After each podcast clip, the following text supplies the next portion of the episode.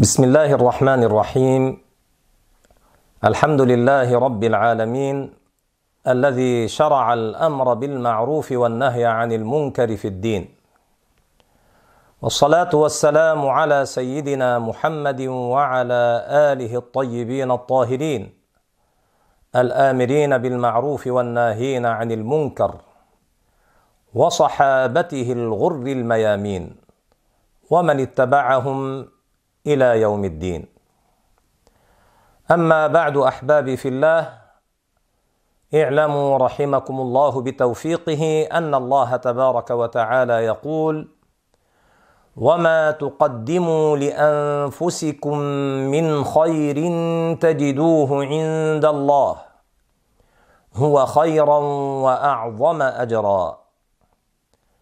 معنى الآية ما تقدموا أيها المؤمنون لأنفسكم في دار الدنيا من صدقة أو نفقة تنفقونها في وجوه الخير أو عمل بطاعة الله من صلاة أو صيام أو حج أو طلب علم أو تعليم علم ديني من عقيدة أو أحكام أو عيادة مريض أو غير ذلك من أعمال الخير.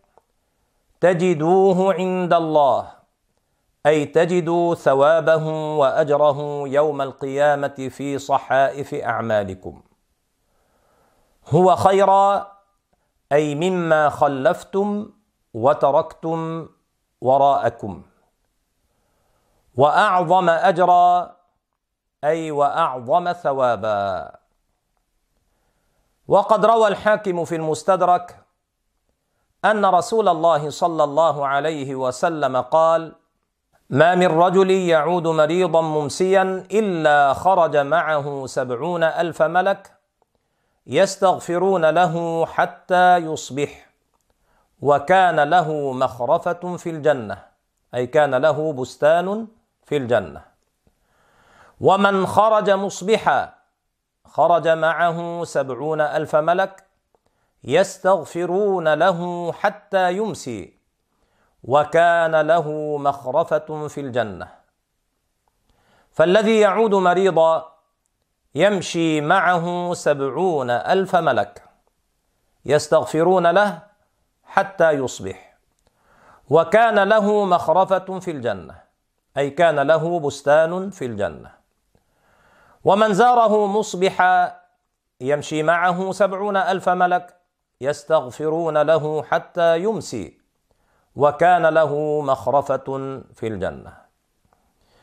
والحكمة في عيادة المريض توثيق عرى المحبة بين المسلمين ويتأكد طلبها بين ذوي القربى.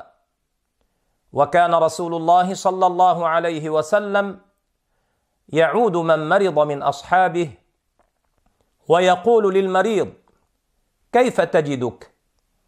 ويدعو الله تعالى له ولا يطيل الجلوس عنده. فينبغي مراعاة هذه الأمور عند الزيارة. ومن آداب الزيارة أن يتحدث إلى المريض بما يشرح صدره. وإذا سأله عن مرضه فليهون عليه أمر هذا المرض. وأنه قريب الزوال بإذن الله تبارك وتعالى.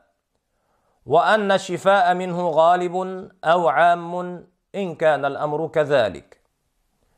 وليجتنب كثرة الكلام وتهويل أمر المرض. وينبغي أن يطلب الزائر من المريض الدعاء له. وحسب الزائر من الثواب أن الملائكة تستغفر له. وأنه في رحمة الله حتى يرجع كما ورد في الصحيح. وكما رغب رسول الله صلى الله عليه وسلم في عيادة المريض فقد كان يفعل ذلك بنفسه أيضا. روى الإمام أحمد بن حنبل رضي الله عنه في مسنده عن سعد بن أبي وقاص رضي الله عنه أنه لما مرض وهو بمكة المكرمة زاره النبي صلى الله عليه وسلم فقال اللهم اشف سعدا اللهم اشف سعدا اللهم اشف سعدا.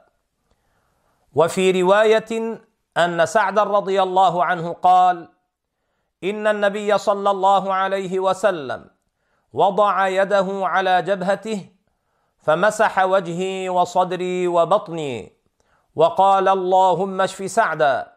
وأتم له هجرته. قال فما زلت يخيل إلي بأني أجد برد يده على كبدي حتى الساعة.